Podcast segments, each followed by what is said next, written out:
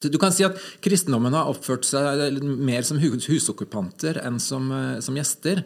Ehm, så jeg tenker at oppgjøret med erstatningsteologien handler, blant, handler om å liksom innta en lyttende, ydmyk eh, og reflekterende holdning i, i møte med, med jødisk liv og jødisk praksis. Du lytter til podkasten 'Kirken og jøder' med Rolf Gunnar Heitmann og Kristoffer Eknes. Da ønsker vi velkommen til en ny podkast, og denne gangen er temaet erstatningsteologi. Mitt navn er Rolf Gunnar Heitmann, jeg er seniorrådgiver i Den norske Israelsmisjon. Og i dag har vi fått med oss eh, det jeg tror vi må kalle en ekspert på temaet. Professor Gunnar Haaland eh, har jobbet mye med teologi knyttet til vårt forhold til det jødiske folk og Israels teologi å gjøre. Og du, Gunnar, er professor ved NLA-høgskolen med base her i Oslo. Har tidligere også vært ansatt ved Oslo MET universitet. Og har eh, også skrevet en doktoravhandling på eh, den jødiske historieskriveren Josefus Flavius, som jo er en av de største og sterkeste kildene vi har til eh, jødisk tro og liv og kultur eh, rundt Jesu tid og, årene, eh, og den betydning det hadde for de årene som fulgte. Du underviser i jødedom, bibelfag, eh, på NLA.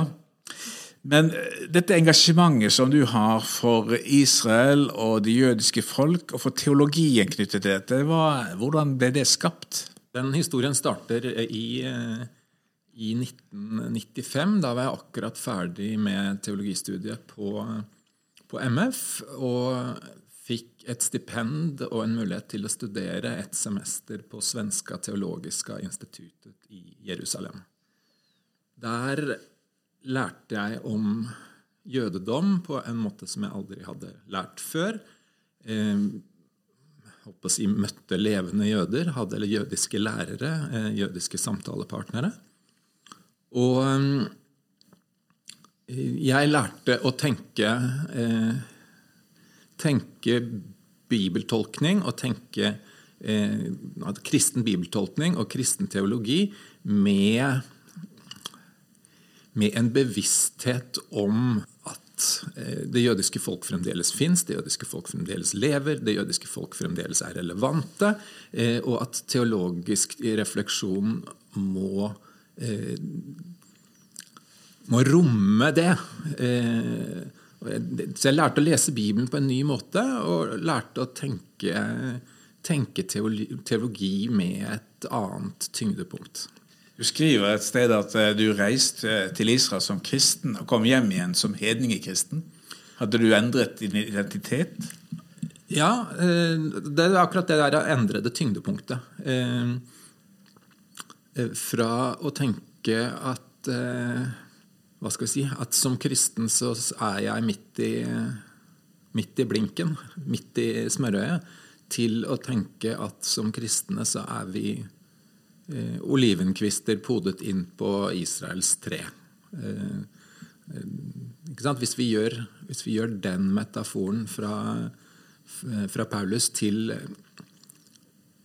til en slags sånn hovedmetafor for hva det er å være kristen kirke, så, gjør, så flyttes det et tyngdepunkt. Og Det er vel nettopp dette det handler litt om når vi skal snakke om også erstatningsteologi. For det er ikke alle som vil tenke akkurat sånn som du gjør, eller i hvert fall ikke har tenkt sånn gjennom kirkehistorien. Begrepet erstatningsteologi er jo noe som vi kanskje ofte møter uten helt presist å vite hva det betyr. Eh, har du noen definisjon på det? Den definisjonen jeg har, den har jeg lært av, eh, av flinke og kloke folk som har tenkt på dette før meg. Jeg tenker at eh, vi må starte med spørsmålet om, om Guds folk.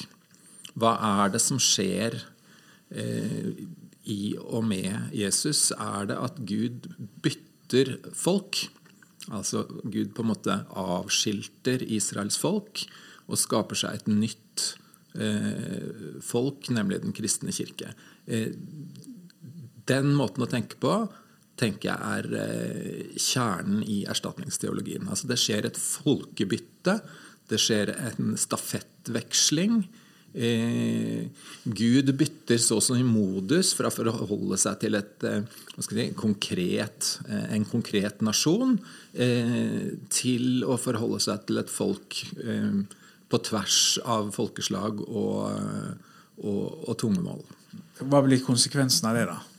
Det blir som sagt at eh, det folket som Gud ga sine løfter, eh, det folket som Gud åpenbarte sin lov for, eh, det folk som profetene talte til, blir avskiltet eller blir parkert på et sidespor.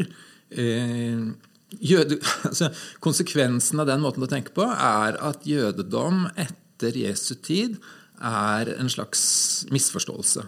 En slags anakronisme. Eh, jødedommen har gått ut på dato, og jødene har bare ikke skjønt det selv. Det får altså konsekvenser for hvordan vi ser på Israel, det jødiske folk. Eh, Israel i betydningen det jødiske folk. Men det får vel også konsekvenser for hvordan vi oppfatter oss selv som kristne. Ja, dette har med akkurat det å gjøre, som jeg sa, eller som du sa først.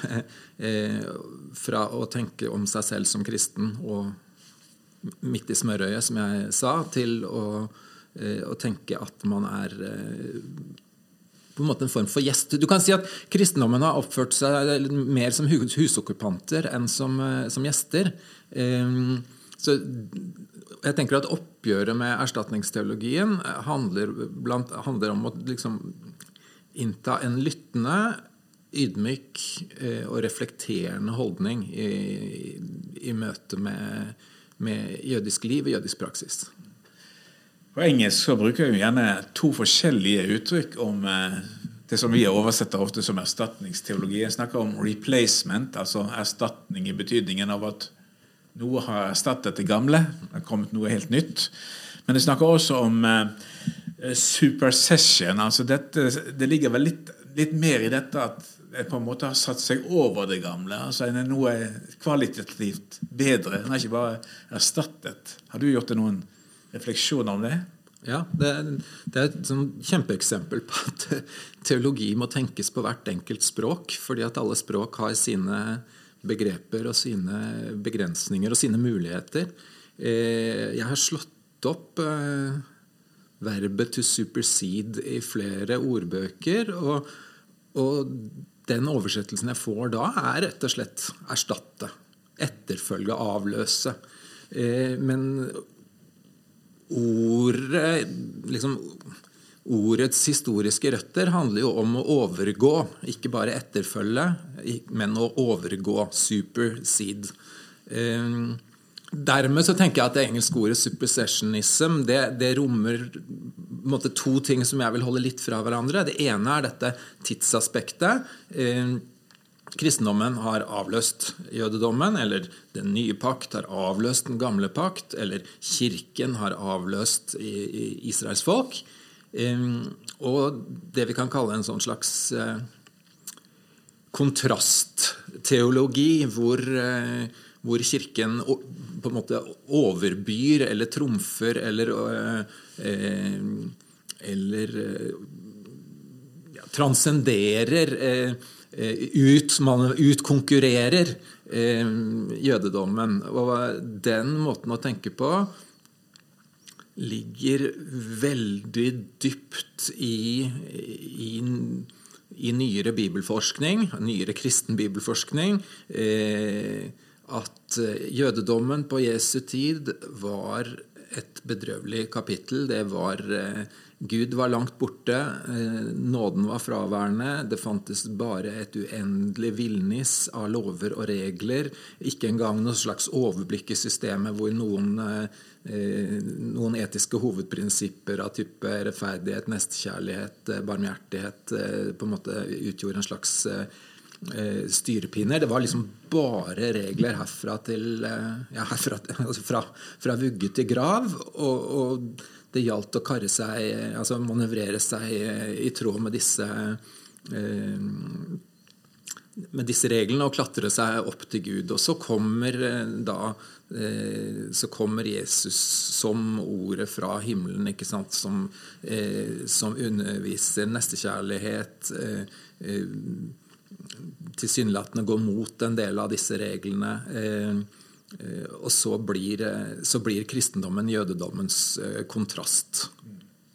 Du bruker jo det begrepet en del har jeg lagt merke til, kontrastteologi, som litt eh, annen nyanse enn erstatningsteologi. Men det er vel ikke bare i nyere bibelforskning at vi kan snakke om en sånn kontrastmodell eller kontrastteologi. Altså Gjennom hele kirkens historie har det vel vært en sånn uh, triumfialisme, eller ja. tanke om at vi er på en måte det rensede, det nye, det folk under Guds løfter, mens, mens jødene er forbannet og fordømt. Ja, det er riktig. Eh, men du kan si at, eh, at, hvis man bare tenker erstatning, så kan du si at jødedommen var bra så lenge det varte. Eh, og så er jødedommen etter Jesu tid da, som sagt en, en misforståelse. Mens, mens, en sånn mer gjennomført kontrasttenkning vil si at jødedommen var slett ikke bra så lenge det varte. Den var, den var verre og verre. Nå kjenner jeg at jeg, jeg, jeg, snakker, jeg snakker, om veldig eh, alvorlige ting med et veldig sånn teknisk språk. Eh, jeg håper at eh, lytterne hører hører den kritikken mot den kristne tradisjon som, som, ligger i det jeg sier. Men la, la meg få lov å reise et litt sånn hva skal vi si, et litt sånn kritisk tilbakespørsmål. da. For Betyr dette at det bare er en kontinuitet og ikke en kontrast i, eh, i forholdet, altså i Jesus' forkynnelse i hans liv? Eh, kom ikke Jesus med noe nytt? Hva vil du si til det? Jeg vil si at uh, jeg, har lært, jeg, har, er lært opp til å tenke i kontraster. Jeg er lært opp til å tenke i gammelt nytt. Eh, gammelt kontra nytt. Eh, jeg vil prøve isteden å tenke i kontinuitet, i sammenheng, i analogi. Eh, og så får vi vurdere eh, hvor langt det grepet går. Der, jeg vil påstå at i Jesu etiske undervisning er det lite eller ingenting nytt i forhold til hva andre Eh, jødiske stemmer hadde sagt allerede, eller eh, sa rett etterpå. Eh, I altså det, det, nye er jo Jesu person. det nye er, er, Gud i kropp. Det nye er en ny tid. ja.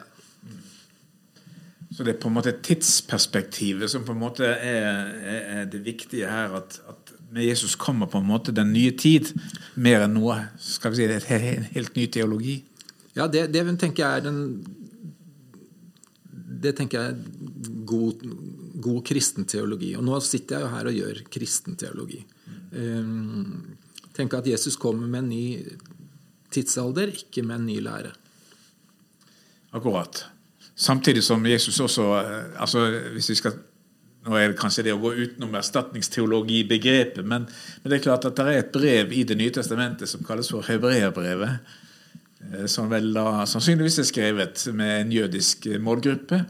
Eh, der, der, det også blir en del sånne kontraster i forhold til det som har vært ikke sant, med offertjenesten og prestedømmet, der Jesus er den nye prest og det nye offer. Ser du det også som en slags kontinuitetsmodell?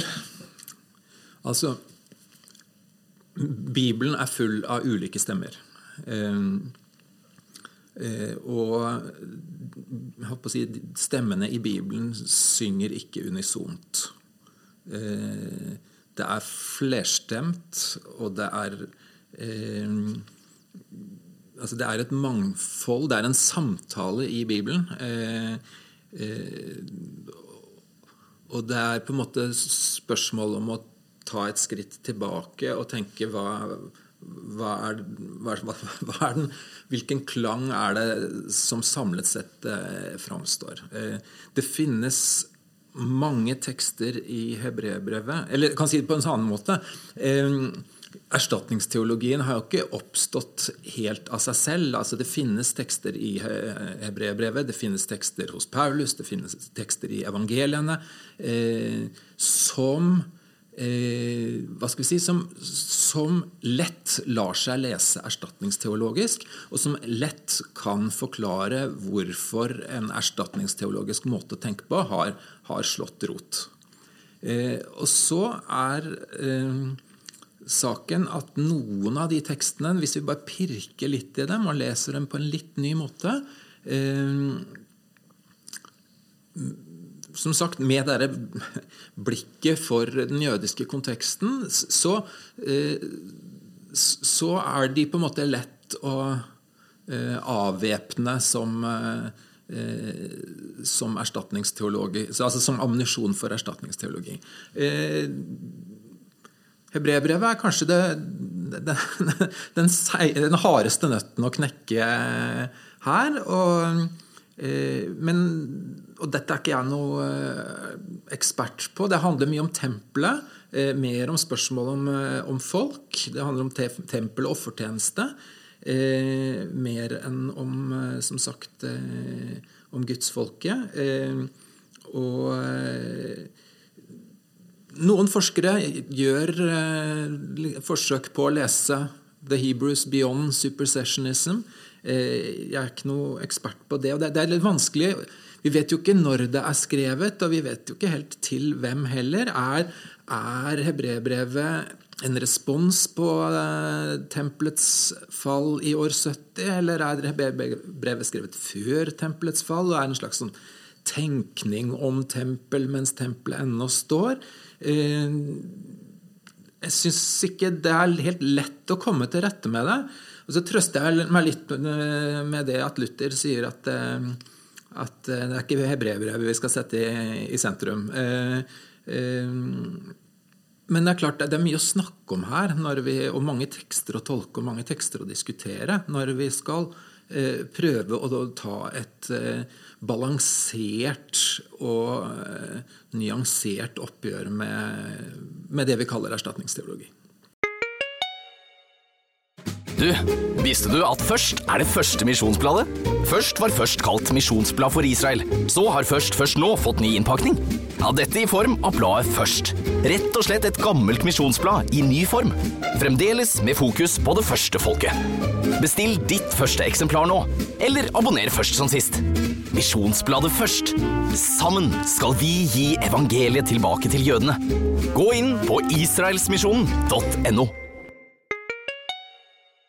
Du eh, startet innledningsvis med å si at uh, når du definerte deg selv som hedningekristen, at du er på en måte en sånn vill oljegrein som er podet inn på det gode tre, ut ifra sånn som Paulus også beskriver det i Rombrevet kapittel 11. Og det er jo kanskje disse tre kapitlene i Rombrevet 9, 10 og 11 som på en måte er uh, skal vi si, en teologi ikke bare om, om det jødiske folk, men også om vår, vår relasjon til det jødiske folk. Altså hvordan den forbindelsen mellom jøder og ikke-jøder i Guds menighet eller i Guds folk henger sammen. Eh, et annet eksempel er jo altså Vi bruker jo ofte dette da, til å ta et oppgjør med den klassiske erstatningsteologien som du nå har skissert for oss. Samtidig så blir altså disse ordene også brukt av, av såkalte erstatningsteologer, om de ikke vil kalle seg selv, til å begrunne sitt eget ståsted. Jeg tenker f.eks. innledningen i Rombrevet 9 som brukes slik. Det er ikke slik at Guds ord har slått feil, for ikke alle israelitter tilhører virkelig Israel. Så bruker en det verset til å begrunne at uh, nå er det kommet et nytt Israel, et nytt gudsfolk som er annerledes, både kvalitativt og kvantitativt, av det gamle.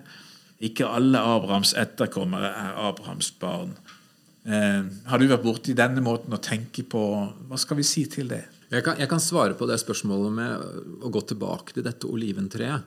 Eh, I Romerne 11, eh, hvor, eh, hvor Paulus altså snakker om ville olivenkvister som er podet inn på treet, men også om noen eh, noen kvister som er, eh, som er skåret av og og ligger i en haug på siden. Eh, jeg var i, var i hagen på lørdag og klippet, eh, klippet bringebærbusker og, og, så at det er noen frukttrær i hagen min som Det er stykker, tre stykker som sårt trenger å beskjæres.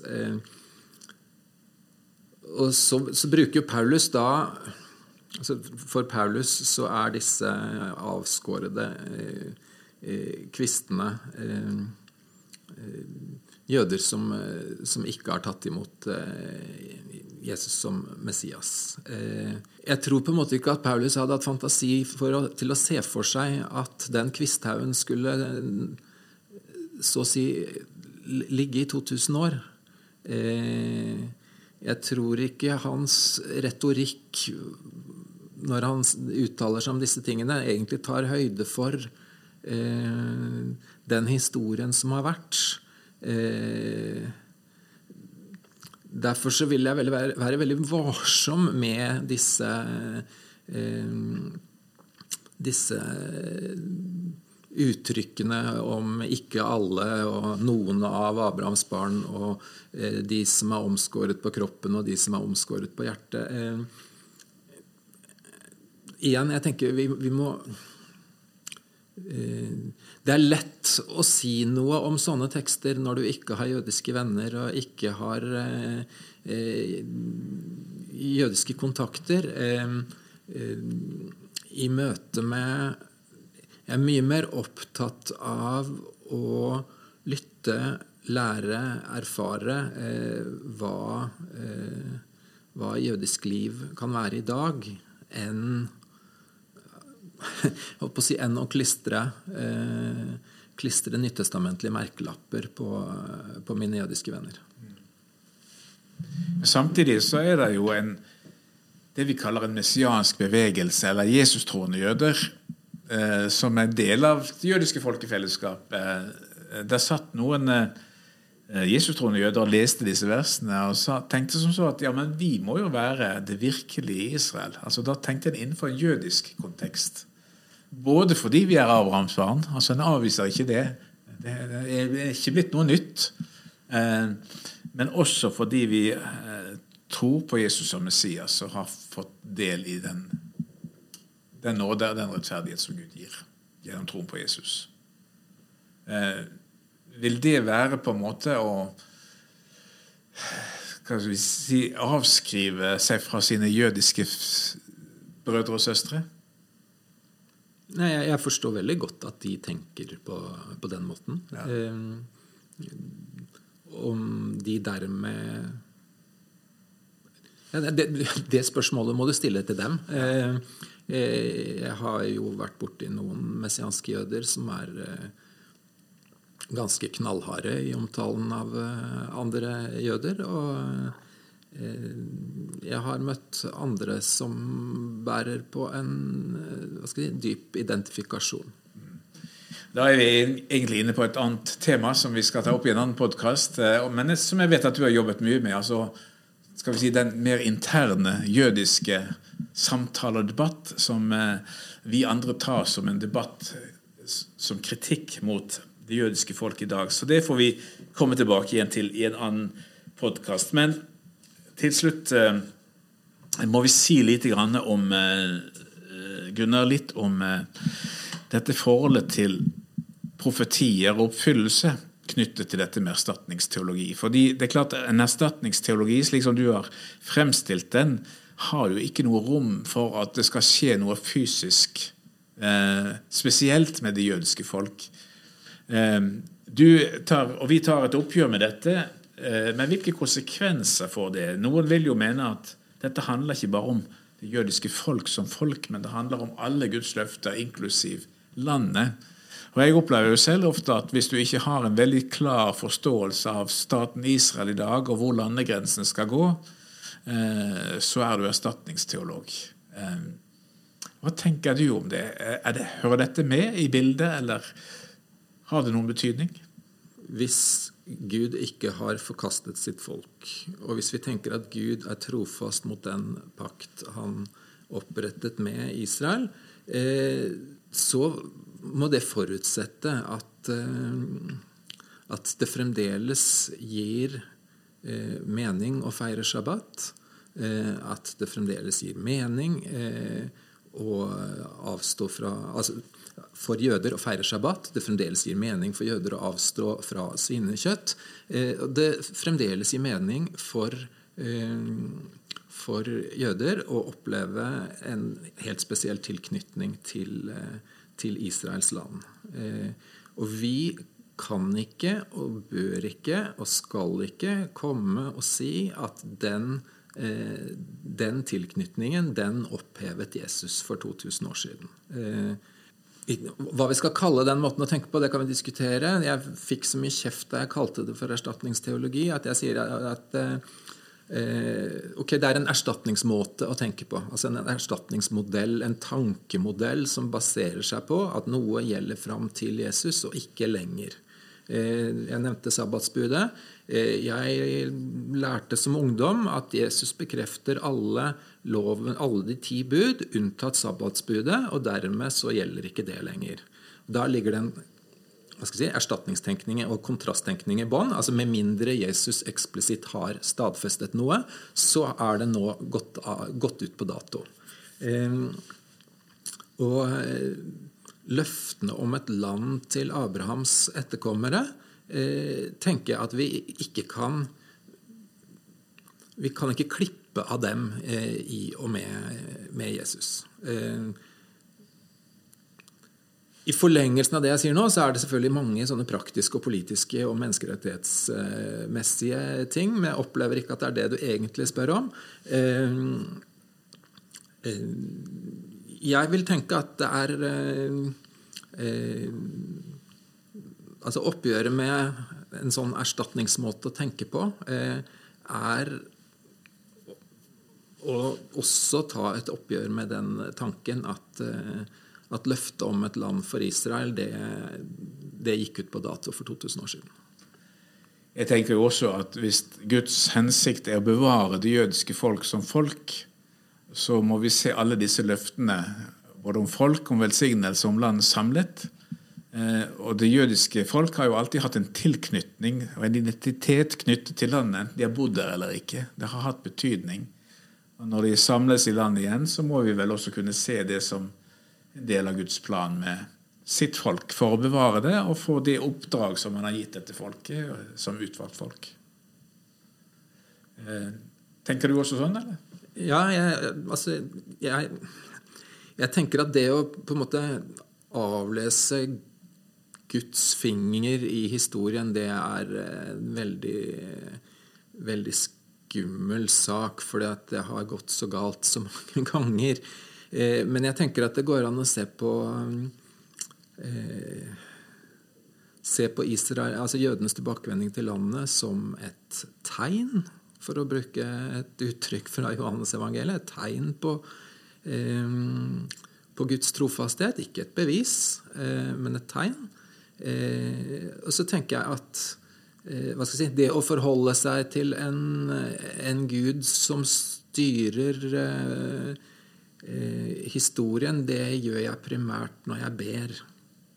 Altså jeg ber om Eller Kirken ber om, og synagogen ber om, at eh, Gud skal gi, eh, gi statsledere og politikere eh, visdom til å styre rett og godt. Eh,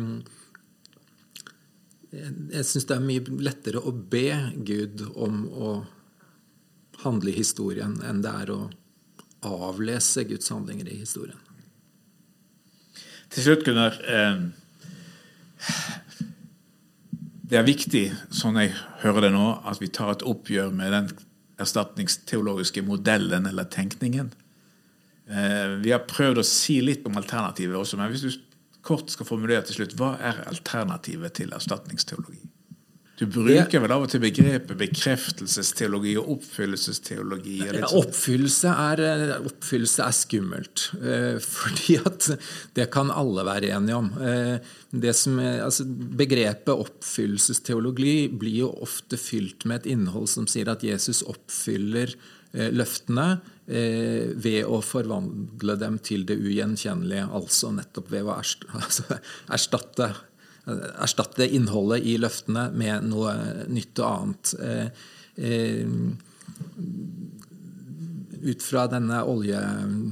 Altså oliventreet, så kan vi snakke om en inkorporeringsteologi. Jeg tenker at både Det nye og Det gamle testamentet er, eller både Det gamle og Det nye testamentet er full av utvidelsesteologi. Altså på hebraisk så er det det samme ordet for land som for, for, jord, for jord, altså for jordkloden. Eh, Sånn at et ord om landet er på en måte samtidig potensielt et ord om, eh, om jordkloden. Eh,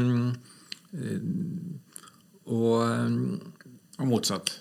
Og motsatt, nettopp. Og motsatt. Eh, Sånn at vi eh, ikke skal spille eh, hva skal jeg si, en konkret, eh, identifiserbar historisk geografisk oppfyllelse. Ikke spille den ut mot en universell eh, oppfyllelse av, av Guds løfter. Og, og som du sier, og, og motsatt. Eh, og så tenker jeg at at det er noen sånne helt altså en, en konsekvens av at Kirken i snart 2000 år har tenkt at jødedommen er gått ut på dato, eh, er at vi snakker om, eh, om jødisk praksis i fortid. Eh, Jødene gjorde, jødene feiret høytider, jødene tenkte, jødene holdt shabbat, jødene spiste ikke eller spiste. Så vi snakker som om Vi snakker på en måte om jøder og jødedom på samme måte som vi snakker om eh, dinosaurer. Altså som, eh, som et fortidsfenomen som ikke lenger fins. Sånn at det, det, første vi kan gjøre, er å begynne å snakke i, i presens. Altså ta språklig konsekvensen av at, eh, at jøder og jødedom fins. At eh, høytider feires, at shabbat holdes, at eh, bilene parkeres i Jerusalem på, på fredag ettermiddag, at stillheten senker seg, at familiene samles, at lysene tennes. Eh, og som sagt, å se dette som tegn på, eh, på Guds trofasthet. Eh, snakke i nåtid. Eh, eh, snakke til og ikke bare om. Ikke sant? Her sitter vi to eh, kristne teologer og snakker om. Eh, vi kan ikke bare snakke om. Vi kan ikke Vi kan ikke Hva skal jeg si det er grenser for hvor mye teologi vi kan gjøre på vegne av det jødiske folk. Det er, en, teolog, en kristen refleksjon om det jødiske folk. Det er, det er jo, vi, vi må jo samtale. Eh, det vil være altså, Presens og dialog må være kanskje to nøkler, tenker jeg. Tusen takk skal du ha. Eh, og så kan vi jo si at eh, løftene og profetiene, som kanskje jøder snakker mindre om enn vi kristne eh, ofte, eh, det kan ha mange dimensjoner. Og uansett så eh, må vi fastholde at det jødiske folk fortsatt er Guds utvalgte folk. Det er også en presensform.